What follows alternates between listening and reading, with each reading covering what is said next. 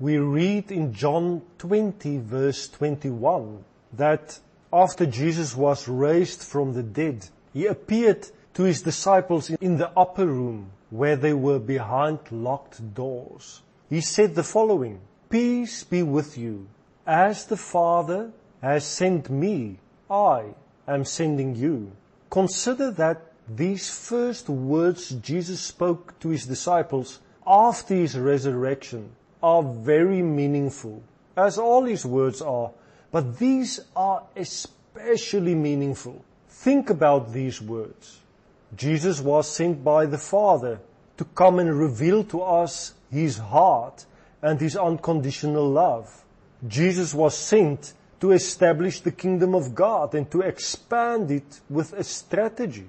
Yes, he addressed needs. He restored what had been broken through sin, but he made disciples of men through a method of multiplication passed on from one person to another. Christ's life is passed on.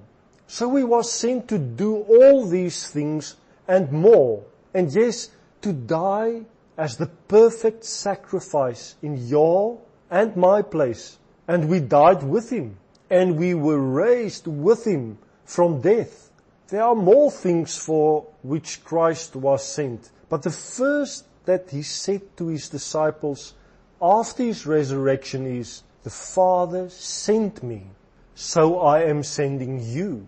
With the same mission with which I came, with the same task I have completed, I am sending you to do the same. In truth, he is saying, the life which I presented to you, a serving, sacrificial life, you have to go and live such a life as well. You must establish God's kingdom. You must proclaim God's unconditional love. You must address all the needs in society compassionately. You must take up your cross and deny yourself. You must give yourself and share and you must follow my strategy, which is to plant my life in you into others. I came to establish the kingdom and you must do that as well. You are sent by me to do that. And so, my brother and sister, you who are listening this, you are also sent. We have a God-given task, which is to reach out to all the corners of the earth, to establish God's kingdom, and in so doing, making disciples of all the nations. Jesus gave us the commission and left us with that commission assuring us that He will come again soon. Remember, this life is about Christ's glory. Our mission is about God and His plan of salvation. We can follow the storyline of salvation in the Bible from the beginning to the end. But even so, there is a gap in the story. And that is the part which we have been called to play in the story. The end of the story has already been written, but we still have the responsibility to do our part. The hope, the restoration, and the healing which the gospel brings still have to reach so many people all over the world. That is why this moment in time has been entrusted to us, to you and me, to go and make disciples. This has always been the calling of the church and of every congregation, and it still is and will be our responsibility to be dedicated to it until the end. In Matthew 4, we read, Come follow me, and I will make you fishers of men. Yes, to follow Jesus will always bring you to the point where you will be a fisher of men.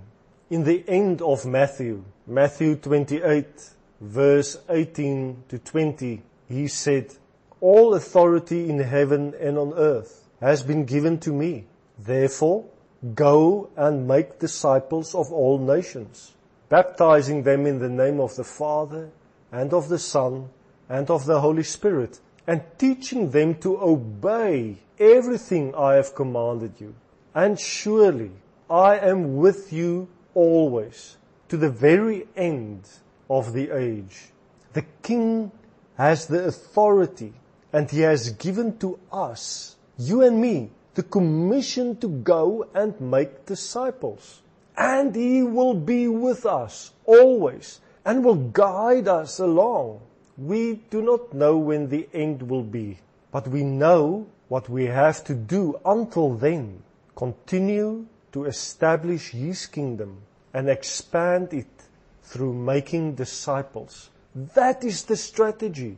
Therefore, let us pray that when Jesus returns to earth, he will find us faithfully continuing his mission with the skills, relationships, and gifts at our disposal.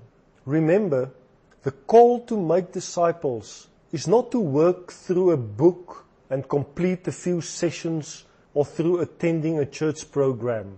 No! The commission given to us encompasses every aspect of our lives until the day we die or until Christ returns to earth.